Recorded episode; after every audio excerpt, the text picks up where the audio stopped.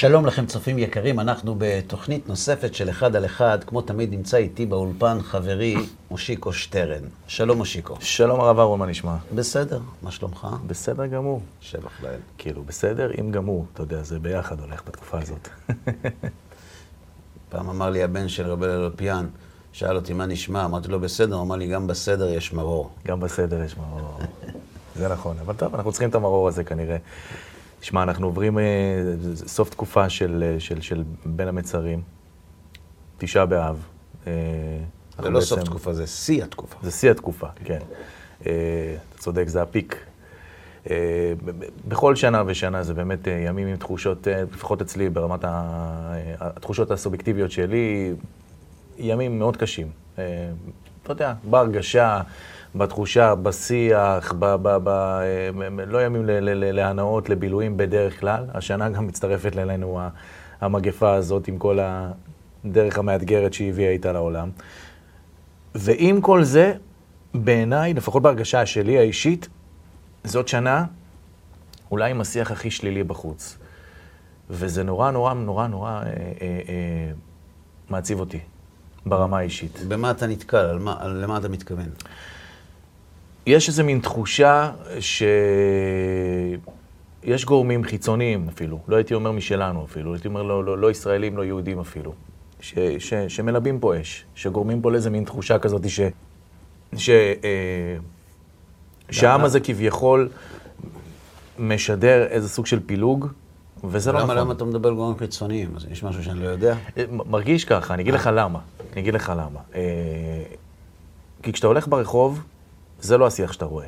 כשאני פוגש חברים, זה לא השיח שאני רואה. גם אם יש אי הסכמות, גם אם יש אה, אה, השגות על, ה, על ההתנהלות ב, ב, במקרה של הקורונה, על ההתנהלות הממשלתית, ההתנהלות הכלכלית, זה לא משנה מה, כל אחד והטרוניה שלו. עדיין השיח בין אדם לחברו הוא אחר ממה שאתה סופג או רואה את זה בתקשורת. עכשיו, okay. בגלל שאני חי את התקשורת ואני בעולם הזה, mm-hmm. אז זה מרגיש לי שמשקרים. שמשקרים לי, שמשקרים עלינו, מה שנקרא. אה, וזה לא באמת כך. ואני שואל את עצמי, האם זו יד מכוונת של השם? האם דווקא בתקופה הזאת זה עוד איזה כלי לבחון אותנו? האם אנחנו כעם צריכים לעשות משהו, אנחנו כאנשים צריכים לעשות משהו בינינו ובין עצמנו, על מנת לשנות את השיח הזה, כדי שבאמת יבינו אה, שזה לא כך. כי אני אתן לך דוגמה, לפני, כשהתחילה מגפת הקורונה, והיינו בשלהי המערכה השלישית של הבחירות. אני זוכר שראיתי פריים אחד של, אה, אה, של קולגה, של סיוון רב, אם אתה מכיר העיתונאית, והיא אמרה דבר מדהים. היא אמרה, מה שקורה פה היום בחוץ, כלפי השיח בחוץ, הוא שיח פוליטי. הוא לא שיח של העם עצמו. כי יכול להיות מצב שבבניין אחד באשדוד גרים בוחרי ליברמן עם בוחרי ש"ס או אגודה, והם בסדר גמור אחד עם השני, אבל מראים לנו משהו אחר בחוץ. וזה לא נכון. וזה לא נכון. וזה משהו שמלווה אותי מאז. אני הולך איתו, ואני פוגש את זה ברחוב, ואני אומר לך, העם לא בשנאת חינם כזו שמתארים החוצה. העיתונות, התקשורת, מראה משהו אחר מאוד מאוד מאוד מאוד. ויש לי המון חברים מכל מיני מגזרים. באמת, אני כמושיקו, יש לי חברים מכל מיני מגזרים. כשאני מדבר איתם שיחות, גם עם חילוקי דעות משמעותיים מאוד, זה לא מגיע לעולם למקום שמציפים לנו החוצה. למה? למה? ו- והאם זה משהו שאתה חושב שקשור באיזושהי תנועה, שהבורא יתברך עושה לנו פה איזה אה, סדנה של התנהלות מסוימת בינינו ובין עצמנו? אז ככה, כל מה שאנחנו חווים זו השתקפות, כיהודים מאמינים, כך אנחנו צריכים להסתכל, זו השתקפות של ההשגחה כלפינו. אוקיי. Okay. השם צילך על יד ימיניך. זאת אומרת, הקדוש ברוך הוא משקף לנו מציאות שהוא רוצה שנתבונן בה. אז כך ודאי שלא רק בסוגיה שאתה מעלה, בכל סוגיה וסוגיה, כן. לימד אותנו רבי שלום שבדרון, זכר צדיק לברכה, בכל דבר לשאול מה הקדוש ברוך הוא רוצה ממני. Mm-hmm. ממני. מה הוא רוצה? לא מהשכן שלי, מה הוא רוצה ממני. אז גם אם זה בדברים אישיים ופרטיים, על אחת כמה וכמה בדברים שאתה מעלה, שהם ממש דברים ש, שהכלל תלוי בהם, אז אין, אין שום ספק בכלל שמדובר כאן במהלך של ההשגחה, רק שאנחנו צריכים להבין מה השם רוצה מאיתנו. אוקיי. זה ודאי.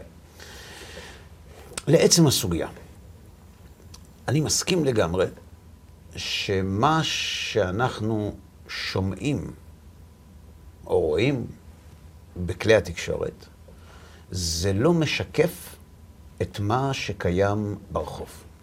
אני מסכים לחלוטין. תראה, מושיקו, אני מסתובב כל ערב בהרצאות. גם עכשיו, בתקופת הקורונה, אנשים מגיעים להרצאות. וזה לא אנשים שגרים בבני ברק. כן. זה גם לא אוהדים. זה בהרבה מקרים אנשים שמוזמנים על ידי חברים שלהם כדי להסביר פעם אחת ולתמיד לדתי שיבוא איפה נמצא האור. זה, זה לא פשוט, זה לא כן, קל, זה כן. מאוד מאתגר, זה לא... באים להתווכח. באים להתווכח. ואין שם קמצוץ מהרעל שאנחנו שותים בתקשורת. בדיוק. בדיוק. עכשיו, אני לא מאשים את התקשורת. מסיבה מאוד פשוטה. התקשורת זה, זה לא גוף אמורפי כזה, זה אנשים שצריכים להתפרנס. נכון. ואנשים שצריכים להתפרנס צריכים להביא סקופים, צריכים להביא... אה, התקשורת כבר מזמן לא תקשורת מדווחת, היא תקשורת יוצרת. וכשיש הפגנות, כשיש משברים פוליטיים, כשיש... אה, אה, כל משבר שיש, אז זה, ה, איך אומרים, זה החמצן של התקשורת. ממש. ש- לפחות של החדשות. ממש כך.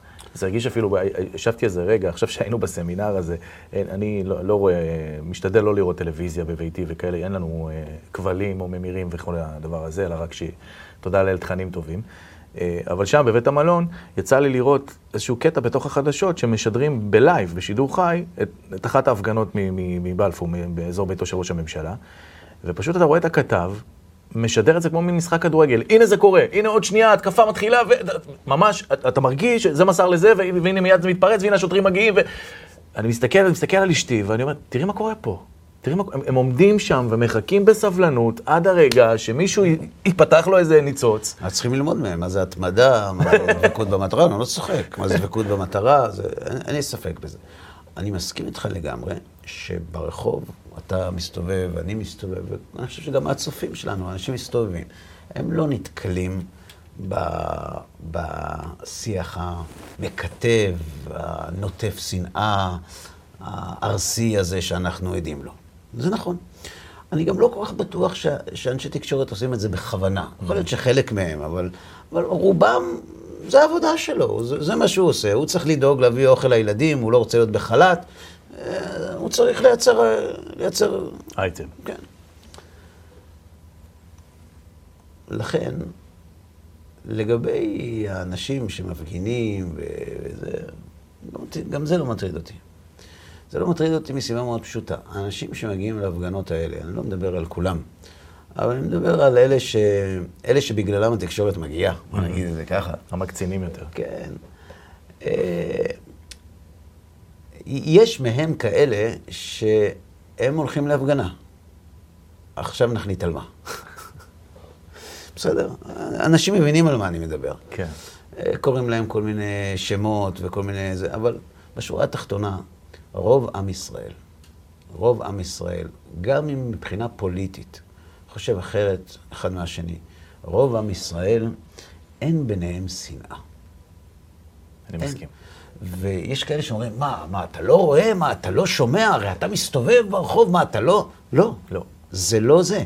אני לא מדבר אפילו על תקופה הזאת, אני מדבר אפילו על תקופות שבהן גזרו גזרות על עולם התורה, ו- ו- ורצו ל- לבחירות עם, עם, עם, עם, עם סיסמאות של נגד התורה. ו- גם אז, גם אז, האולמות של ההרצאות היו מלאים. לגמרי. לכן, אני לא כל כך בטוח שזה הסמל של עם ישראל. ממש לא. לא. זה לא הסמל.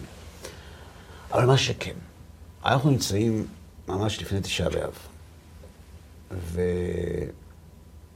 ותשעה באב הוא יום קשה. הוא יום קשה כי היום הזה הוא יום שבו שני חלקים שמרכיבים את עם ישראל אה, נותצו, ועד עצם היום הזה הם לא שבו לקדמותם. המרכיב האחד זה התורה, שהלכה בגויים, והמרכיב השני זה עם ישראל, שהלך בגלות. ונכון שהיום אנחנו, ברוך השם, בארץ ישראל. נכון, זה, זה נס פלא עצום. גלוי. אבל, אבל עדיין, עדיין לא חזרנו להיות מה שהיה כאן לפני החורבן, שנגרם בגלל שנאת חינם. Mm-hmm. ככה לימדו אותנו חז"ל. נכון. זאת אומרת, החורבן שלנו זה שנאת חינם. אם אנחנו יושבים בימים האלה, אז לדבר על, על, על הדברים הלא טובים, לא צריך. יש, אמרנו לפני רגע, מספיק אנשים שמדברים על זה. בדיוק. השאלה, איך עושים שיהיה יותר טוב? כלומר, איך עושים שאנחנו כעם ישראל נרגיש יותר קרבה אחד לשני? וזו מטרה כלל ישראלית. זו מטרה לאומית שלנו כיהודים לגרום לכך, המילים אחדות ואהבת חינם, אלה מילים יפות, לגרום לכך שאנחנו כולנו נרגיש קרבה אחד לשני. בלי שום קשר לשאלה לאיזו מפלגה הצבעת, בלי שום קשר לשאלה לאיזה מגזר אתה שייך, בלי שום קשר לשאלה לאיזו עדה אתה שייך. איך עושים דבר כזה? אוקיי. איך עושים את זה? האם בכלל, אני שואל את השאלה הבאה, זה, זה מעניין אותי להבין, כשאתה שואל איך עושים את זה, האם בלי המרכיב הזה, התבלין הזה שנקרא אמונה, זה יכול לקרות? אני לא יודע. כל עוד אני לא יודע איך עושים את זה, אני לא יכול לענות אם כן או לא. זאת אומרת, יש לי כאן מטרה. המטרה שלי זה שעם ישראל, כולו, שיושב בארץ ישראל, ירגיש אחד לשני, נרגיש זה לזה אחים. אחים. עכשיו, זה קורה, אבל זה קורה כשלא טוב. נכון. זה לא- מלחמות, מבצעים. זה לא קורה כשטוב. השאלה היא למה. אבל הנה, זו תקופה שלא טוב בה. זו תקופה מאתגרת מאוד. כן. זו תקופה שאנחנו אמורים להיות הכי מחוברים אליה, אתה יודע. זה נכון, השאלה למה לא טוב? למה לא טוב? זו השאלה. אתה אומר, אין, אין אויב אחד להתאחד מולו? אה? בגלל שזה נגיף? בגלל שזה מה? כאילו... אני אספר לך סיפור. אוקיי.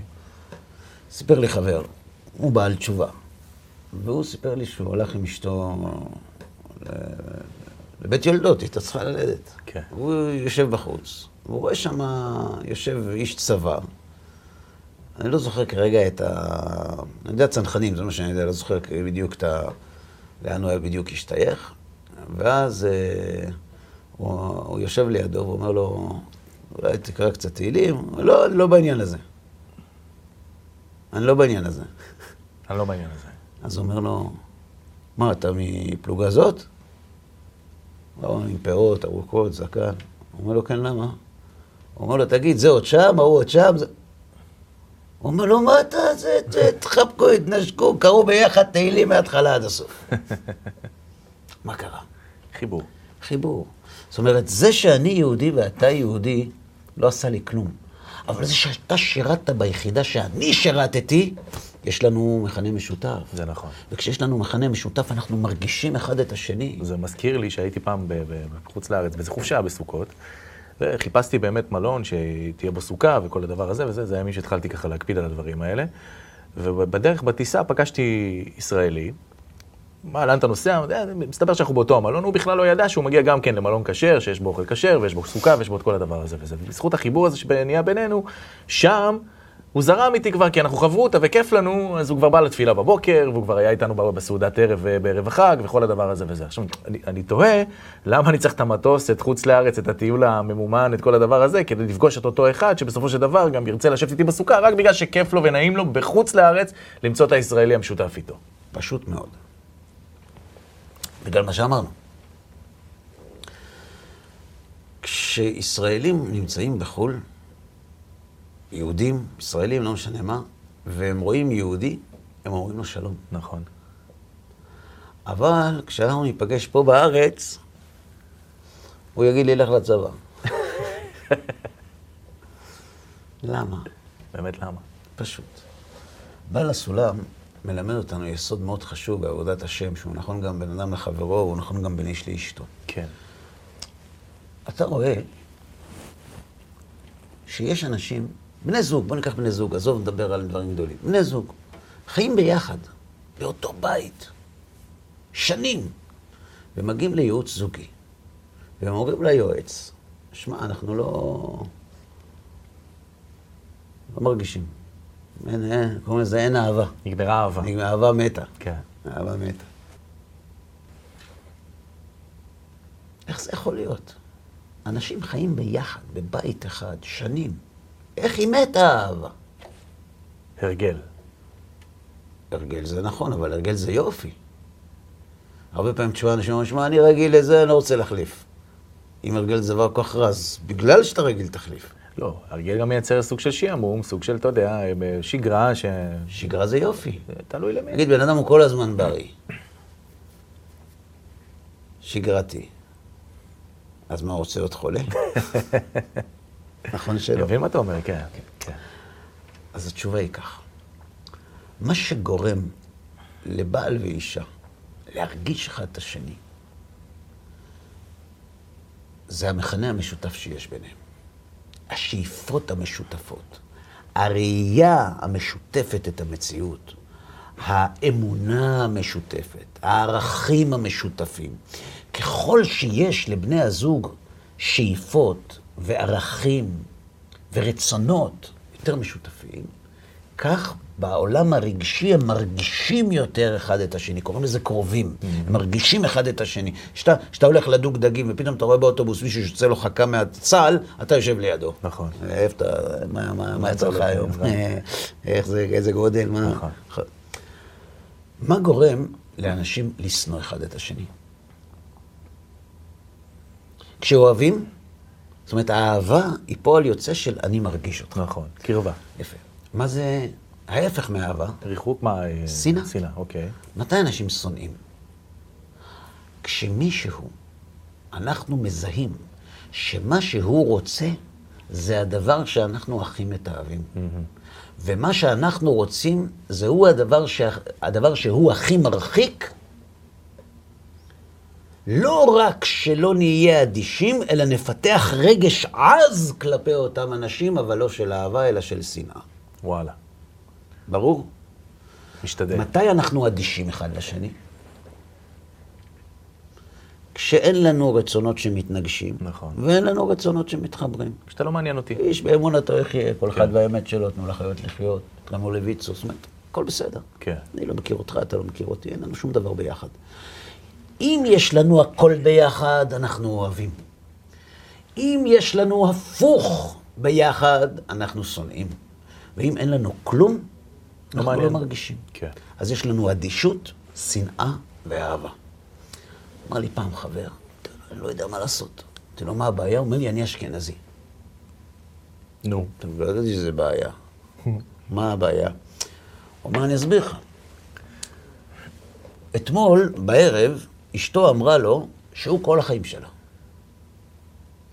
ושהיא מודה לקדוש ברוך הוא, כשהיא אומרת מודה אני לפניך, לפני שהיא אומרת שהחזרת בי נשמתי, היא אומרת שנתת לי את בעלי והחזרת בי נשמתי. יפה.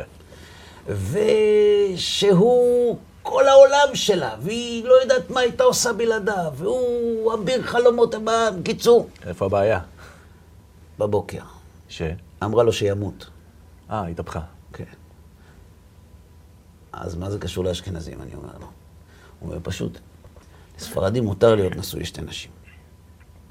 אשכנזים אסור. והרי ברור שמדובר פה בשתי נשים. אז איך אני פותר את הבעיה? גדול. כן.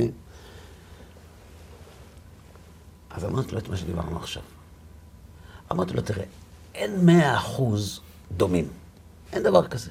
אם יש 90 אחוז משותף, זה המון. אבל יש גם 10 אחוז לא משותף.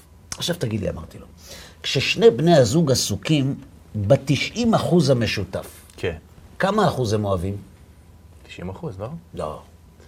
כשהם עוסקים ממוקדים רק ב-90 אחוז המשותף, נו. אז כמה משותף יש ביניהם? עכשיו? 90 אחוז? לא, 100. אה, למה 100? כי הם עכשיו רואים רק את זה. אה, אז הם 100 אחוז אוהבים. עכשיו, ש-100 אחוז אוהבים, זה נתת לי את בעלי והחזרת בי נשמתי. אבל כשעוסקים בעשרה אחוז שלא משותף, כמה אחוז שונאים? גם 100. 100. וזה הסוד של נדנדת הרגשות המטורפת בעולם הזוגי. זאת אומרת, אין בכלל מה לבוא בתלונה. זה, זה ככה לכולם, תמיד, בכל ההבדל, מצב. ההבדל בינינו זה, האם זה 90 מוס, 10, 70, 30, או 90 כן. 10 לצד השני. כמה אתה חווה מזה וכמה מזה. נכון. וזו בחירה שלי ושלך להחליט האם להסתכל על המפריד או האם להסתכל על המשותף. עכשיו, יש מקרים שהמציאות מציפה את המפריד. נכון. אבל גם אז אנחנו יכולים להחליט להתעלם ממנו. אוקיי. ולהסתכל על המשותף. רבי נחמן מברסלב, עליו השלום, הוא אומר ככה. או, כן, אה, נדלקת, אה? אתה אומר, אם לא ניסע לאומן השנה, לפחות נדבר. בדיוק. דיבורים של צדיקים. דע, בתורה ידועה, שצריך לדון את כל אדם לכף זכות. כן, רשפ"ב. נכון. ואפילו מי שהוא רשע גמור, צריך לחפש ולמצוא בו איזה מעט טוב, שבאותו הצד אינו רשע. יש כאן שאלה עצומה. איך אפשר לדון כל אדם לזכות? כל אתה אדם. רואה בן אדם שהוא פרא אדם.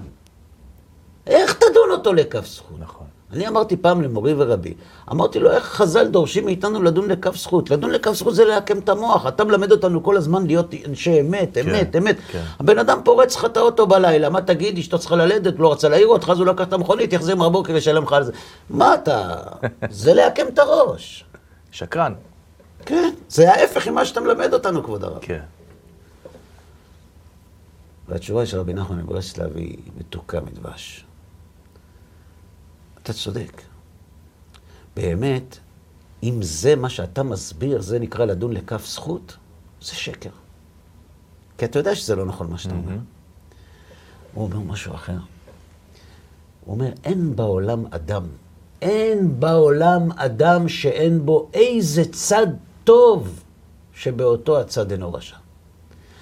אין בעולם מישהו שאין לך איתו לפחות אחוז אחד של מכנה משותף, שבאותו הצד אינו רשע.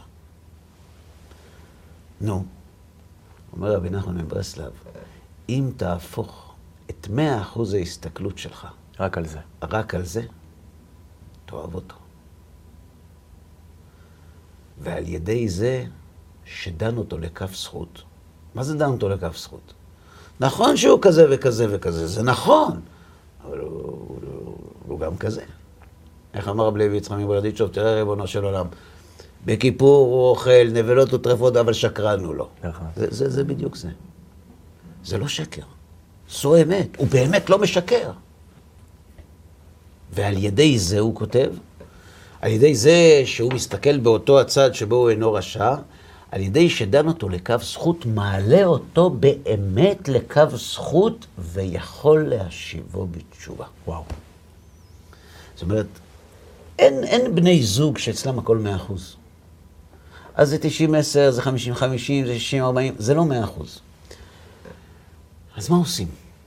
יש לנו בחירה על מה להסתכל. וכשאנחנו בוחרים על מה להסתכל, אנחנו מאה אחוז מרגישים.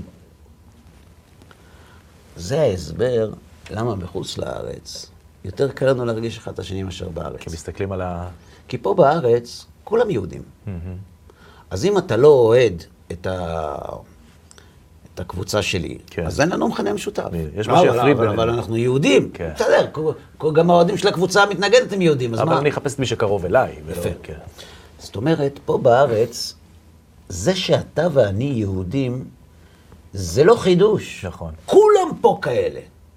אבל כשאנחנו נמצאים בחו"ל, ושם רובם אינם יהודים, אז שם זה שאני יהודי ואתה יהודי עובר למרכז הבמה הרגשית שלנו.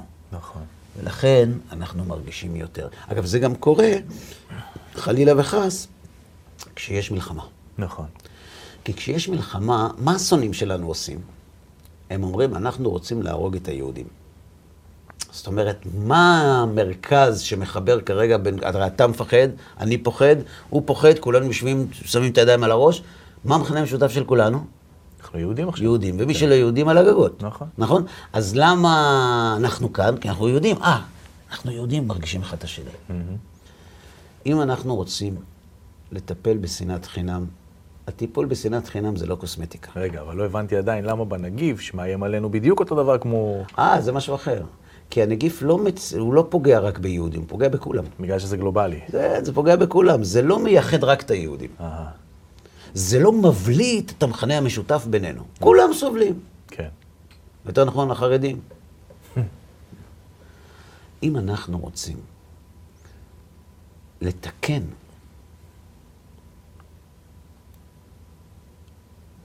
את המציאות שבה אנחנו חיים, שנהיה ראויים, שייבנה בית המקדש בימינו, אנחנו לא יכולים לחזור על ההתבוננות במפריד שהייתה סיבת החורבן. אנחנו צריכים להתבונן על האחוז הזה שמשותף. כן. נכון, אנחנו לא משותפים במאה אחוז. זאת המציאות. גם בני זוג לא משותפים במאה אחוז. ברור. אבל זו החלטה שלנו על מה להסתכל. זו שלא- בחירה שלנו. שלא לומר אפילו בני משפחה, אחים, נכון, הורים. זה- נכון. אנחנו בוחרים על מה להסתכל, על מה להתמקד, על אותו צד שבאותו הצד אינו רשע, או על כל הצדדים האחרים שיש לנו הרבה מה לומר בהם. מי שהיטיב להגדיר את זה הייתה אשתו של רבי מאיר, ברוריה. כתוב שהיו לו שכנים שהיו עושים ב- בליל שבת ומחללים, מציקים. אז הוא התפלל עליהם ש... כל כך רוצים שיהיה להם טוב, אז שילכו לעולם הבא, שם עוד יותר טוב. אשתו אומרת לו, למה אתה מתפלל? הוא אומר, יש פסוק מפורש, איתמו חטאים מן הארץ ורשעים עוד אינם. ואז ברכי נפשי את השם הללויה. אמרה לו, בעלי היקר, איתמו חטאים כתיב, לא חוטאים. מסכת מגילה, אם אני לא טועה. לא זוכר. איתמו חטאים, שהחטאים איתמו, לא החוטאים. אין לנו יהודי אחד שאין לנו איתו איזה צד שבאותו הצד אנחנו משותפים איתו. וזה סוד האהבה שיש בעם ישראל. וכל אחד מאיתנו יכול, כשהוא יוצא לרחוב, להסתכל על אותו הצד, שבאותו הצד יש לנו המון משותף. אז נכון שביום-יום זה לא משותף, נכון שהוא, שהוא מצביע על המפלגה שהיא נגד המפלגה שאני מצביע עליו, ושהציבור שלו מתנגד לציבור שלי, ומה שאני רוצה הוא לא רוצה. כל זה נכון. אנחנו לא מעלימים את זה, אנחנו אומרים, כולם טובים, כולם אהובים, כולם... מה פתאום? אבל יש לנו, יש לנו מכנה משותף. שנינו בני איש אחד אנחנו. בני עם אחד אנחנו. יהודים אנחנו. הבעיה הגדולה היא מה קורה כשאחד מן הצדדים לעסקה, המושג יהודי לא עושה לו כלום. Mm, עם האנשים האלה קשה למצוא משותף. אבל אתה יודע, מושיקו, רובו המכריע של עם ישראל לא שייך לקבוצה הזאת. יוסי ביילין, הוא לא גדל בבני ברק. נכון. נכון. הוא התראיין פעם לאיזו תוכנית בערוץ אחד, נוחו עדן. אז הוא אמר ככה, את המילים האלו אמר. הוא אמר ככה, אני קודם כל יהודי ואחר כך ישראלי. אני זוכר את זה. זוכר את זה? בטח. והוא המשיך ואמר, ובגלל שאני יהודי, אני שואף שהילדים שלי יתחתנו רק עם יהודים. אלא שכליברל אני לא יכול, לא יכול לומר להם זאת. לכן אני גר פה בארץ. כי הסיכוי שפה בארץ הילדים שלי יתבוללו הוא הנמוך ביותר. אנשים שהמילה יהודי לא עושה להם כלום, אין הרבה. אין הרבה. ואם מישהו יגיד שיש הרבה, אני אגיד לך משהו שאני שמעתי. מה? הייתה פעם תוכנית, לא רוצה להגיד שמות, אבל תוכנית מפורסמת, הייתה בין שמונה לעשר ברשת ב', אני מדבר על לפני 30 שנה. אוקיי. עכשיו, כל יום חמישי המראיינת הייתה מביאה אה, סקר. אני חושב שזה שווקים פנורמה היה, לא זוכר מי זה היה בדיוק שם. כל שעה, בנושא אקטואלי אחר. ערב יום כיפור, היא ביקשה סקר כמה, אה, כמה יהודים בוגרים במדינת ישראל צמים ביום כיפור. הוא עולה לשידור, נו, תן, מה השאלה? נו, מה, מה הנתונים? אז הוא אומר לה, 86 אחוז מהציבור היהודי הבוגר במדינת ישראל מצהיר על עצמו שהוא צם ביום כיפור. עכשיו, צם זה מושג מאוד יחסי, כן? אבל יש נגיד מישהו שהוא לא אוכל ארטיקים, אז זה נקרא שהוא צם. אבל לא משנה, הוא, הוא, הוא, הוא, הוא מרגיש חשוב לו צם. להגיד שהוא צם. כן. אז היא אומרת לו, זה לא יכול להיות. אז הוא וואלה. אומר לה, תראי, אנחנו עובדים ביחד כתף אל כתף כמעט עשר שנים. אף פעם לא אמרת לי אף פעם לא אמרת לי על נתונים שאני מביא. את יודעת מה זה נתונים בשביל סטטיסטיקאי? זה האמינות היחידה שיש לו. ואת אומרת לי שזה לא יכול להיות? אז היא אומרת לו, זה ברור שזה לא יכול להיות. הוא אומר לה, למה? היא אומרת, כי מאה אחוז מהחברים שלי לא צמים. אז הוא אמר לה, יכול להיות שמאה אחוז מהחברים שלך הם 14 אחוז מהסקר שלי. יואו. וואו. רוב עם ישראל זה לימוד זכות עצום. אני גם חושב עוד דבר, אני חושב שמאה אחוז מהחברים שלה לא צמים, זה מה שהם אומרים לה. זה גם יכול להיות. זה כבר, זה, זה גם יכול להיות. יש שיח פרלמנט כן, כן. שכונתי כזה, כן, אתה יודע. כן, זה גם יכול להיות. צם. אני לא צם. כן, כן. ודאי. יש שני אנשים שמניחים תפילין, אף אחד לא אומר לשני, ובסוף הם מגלים אחד את השני. זה גם יכול להיות, גם היו דברים כאלה. מה שאני רוצה לומר לך, שזה לא קשה להרגיש את המשותף. אבל יש רק תנאי אחד, שהמילה יהודי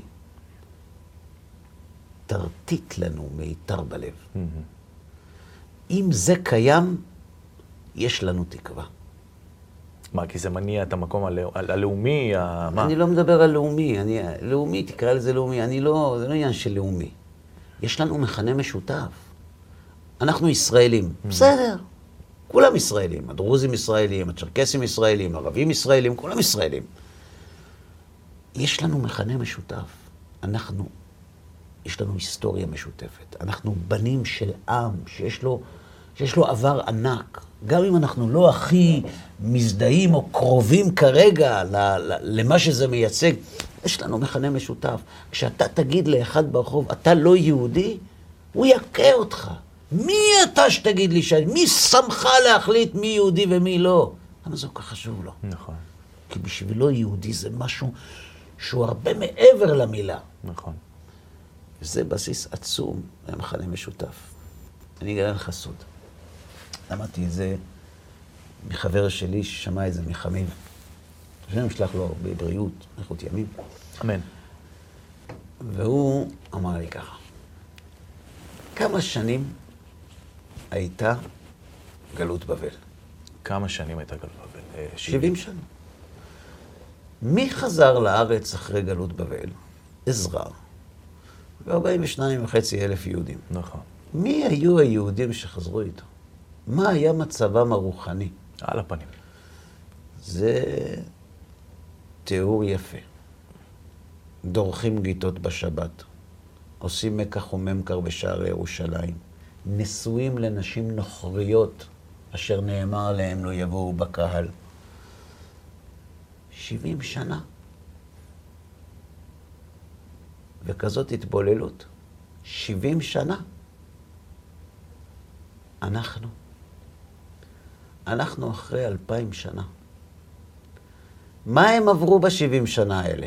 קצת בבל, קצת פרס, בסדר, יחסית כן. כן, סביר, זאת אומרת, גם לא ימים של אה, כן. נבוכדנצר, אה, נבוכדנצר, אביל מרודח, בלשצר, בסדר, כבשו, אימפריאליסטים, אבל לא... נכון. זה לא ימים של זוועות. כן, וגם בפרס, שהמן רצה להרוג את כל היהודים, אבל בסוף זה לא קרה. ודווקא קיבלו אחות בבית המלך, ולא לא היה רע בכלל. ולמרות זאת, רוב מי שחזר לכאן היה במצב רוחני קטסטרופלי. אבל יש פה איזה דיסוננס כזה, לא? מצד אחד הם כאילו פרצו כל גבול, מצד שני הוא קורא להם לחזור ארצה, הם חוזרים. אה, מי חזר?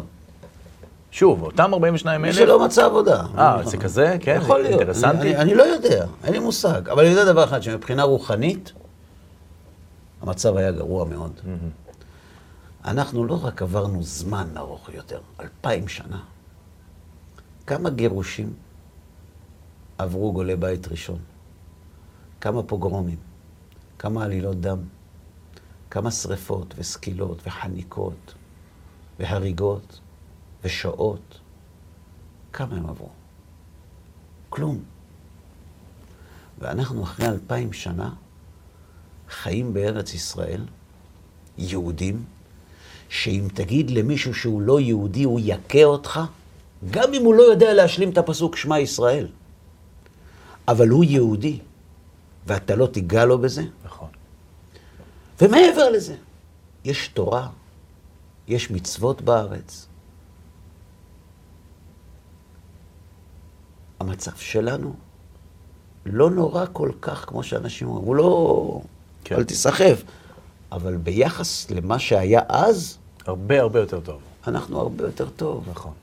אנחנו הרבה יותר טוב, וזה לימוד זכות עצום על עם ישראל. זו, זו אותה נקודה טובה שרבי נחמן מברסלב מדבר עליה. כשאתה מסתכל על כל האנשים האלה, לא משנה מאיפה הם, אתה פתאום רואה, אתה נכנס לפרופורציות. אתה פתאום מבין שלמרות הכל, אם אחרי אלפיים שנה זה מי שאנחנו, יש על מה לדבר. יש על מה לדבר. יש את מה ללבות כדי להבעיר מחדש את השלהבת היהודית, שתגרום לכולנו להרגיש את המכנה המשותף, שהוא ההפך משנאת חינם, בדיוק כמו שבניין המקדש הוא ההפך מחורבנו. כן. סוג של תחושה שכאילו גם, גם רוחנית ייבשנו את הביצות, ועכשיו הגיע הזמן להצמיח. מייבשים, כן. אז אם אני חוזר להתחלה, אמרת לי, שמע, שומעים דברים קשים וכל מיני מבזים קודשי ישראל, כל מיני כאלה. זה נכון, יש דברים כאלה. זה כואב מאוד, באמת שזה כואב. אבל זה לא עם ישראל. זה חלק קטן, רעשני. כן. תמיד היו. גם נסחף ונגרר. ו... תמיד, תמיד הקטנים היו רעשנים יותר. זה נכון. תמיד היה לאורך כל ההיסטוריה. נכון. לא צריך להתרגש מזה. לא צריך להתרגש. רוב עם ישראל אוהב את מסורת ישראל, אוהב בצורה כזאת או אחרת את התורה. יכול להיות שאת הדתיים הוא אוהב קצת פחות, אבל את הנכסים הרוחניים של עם ישראל הוא אוהב לא פחות. כל הרעש שאנחנו שומעים זה מאנשים שגם עליהם יש ללמד זכות. הם צריכים פרנסה. הם צריכים פרנסה. מה הם יעשו? אבל רוב עם ישראל, יש לו מכנה משותף חזק מאוד. לכן, אני חושב שאנחנו כן במצב טוב. ואם אתה דיברת על אנשים שאתה פוגש, ואני מדבר על אנשים שאני פוגש, וחברים שלי פוגשים, ויש לא מעט מאיתנו שמסתובבים בכל רחבי הארץ, היום קצת פחות בעולם, אבל לפני זה כן, מגיע לנו. אחרי 1950 ושנים, יכול להיות, יכול להיות שעם קצת עזרה מלמעלה, גם זה יקרה בעזרת השם. ואם זה לא קרה השנה, אז בעזרת השם בקרוב. כן. ואם אתה חוזר רגע לתחילת הסיבוב, אז לזה בדיוק התכוונתי, שאם אנחנו מבקשים עזרה מלמעלה, זה בדיוק מה שעושה לנו הבורא עכשיו. נותן לנו עזרה מלמעלה לשים את המשקפיים הנ- הנכונים, לראות שמה שמראים לנו מצד אחד תקשורתית, כביכול, זה השיח בכל הארץ, וזה לא זה. להבין לבד מהי האמת, לעשות את הבירור הזה, כמו, כמו שברוריה עשתה בירור ל, לרבי מאיר. אגב, היה לי פעם חידוש שזה בירור י"ק. ומאותו המקום בדיוק, גם אנחנו יכולים עכשיו לקבל את הזכות הזאת לעשות את הבירור ולהגיד, זה, זה לא נכון. מה שהם אומרים שם, זה לא נכון. אני יודע מה אני עושה עם השכן שלי. אני יודע איך אני פוגש את האנשים במכולת, בסופר, אה, בבית כנסת או בסמינר. שגם שם. ראינו אנשים שקיצונית בדעותיהם, בד- קיצוניים בדעותיהם מאיתנו, ו- וישבנו מסכים. לשיחות מדהימות. מסכים איתך לגמרי. אני אגיד עוד מילה אחת לסיום. אני הכרתי אנשים בודדים, הם היו בודדים, והם גרמו לשינויים עצומים כאנשים בודדים בעולם התורה ובעולם התשובה. כאנשים בודדים. וזה נתן לי כוח להבין שלא צריך כמויות של אנשים כדי לעשות שינוי. אתה יכול לתת דוגמה? אני לא, עדיף לא להגיד שמות, אוקיי. אבל אנשים שהכרתי מאוד. לא, אבל למשל, מה, מה, מה הם כן עשו כדי ש... מה, מה הדבר הזה? מה חלק ללמוד גדול מהם? מאוד מגדולי ישראל היום, רבני ערים, ראשי ישיבות, אה, תלמידי חכמים, רבניות, אם לא הם, לא היו היום איפה שהם נמצאים. וואלה. חד וחלק. בן אדם, שניים, שתי נשים, שני גברים, זהו. הם עשו את זה. לכן, לא צריך לדבר שצריך, וצריך, וצריך. אין הדבר תלוי אלא בי. אני יכול לעשות שינוי. אני יכול לגרום ליהודי שעומד מולי להרגיש שיש לנו מכנה משותף, כמו שאמרת. שכשאתה יושב איתו, פתאום מתגלה פה מכנה משותף שהוא הרבה יותר חזק מהמפריד. כן, וזה בידיים שלנו. כן. אנחנו, כמו שאומר רבי נחמן, יכולים בבחירתנו החופשית להכריע על איזו נקודה להסתכל. וחשוב להגיד גם שהמכנה המשותף הזה הוא לא שנאה. ודאי שלא. הוא לא כולנו ביחד נגד... מכנה משותף לא יכול להיות שנאה. מכנה משותף הוא בהכרח מביא לאהבה. אז אני מאוד מודה לך שבאת שוב להתארח יחד איתי כאן בתוכנית. נקווה שבעזרת השם יתהפך לנו החודש הזה אמן. לששון ולשמחה, ויהפוך ליום טוב, בעזרת השם, אמן. במהרה בימינו, עוד השנה, אם ירצה השם. תודה רבה גם לכם, צופים יקרים, שהייתם איתנו. מאוד מאוד מקווים שהדברים יהיו לתועלת, ונשמח מאוד שתצטרפו אלינו בתוכניות הבאות. כל טוב לכם.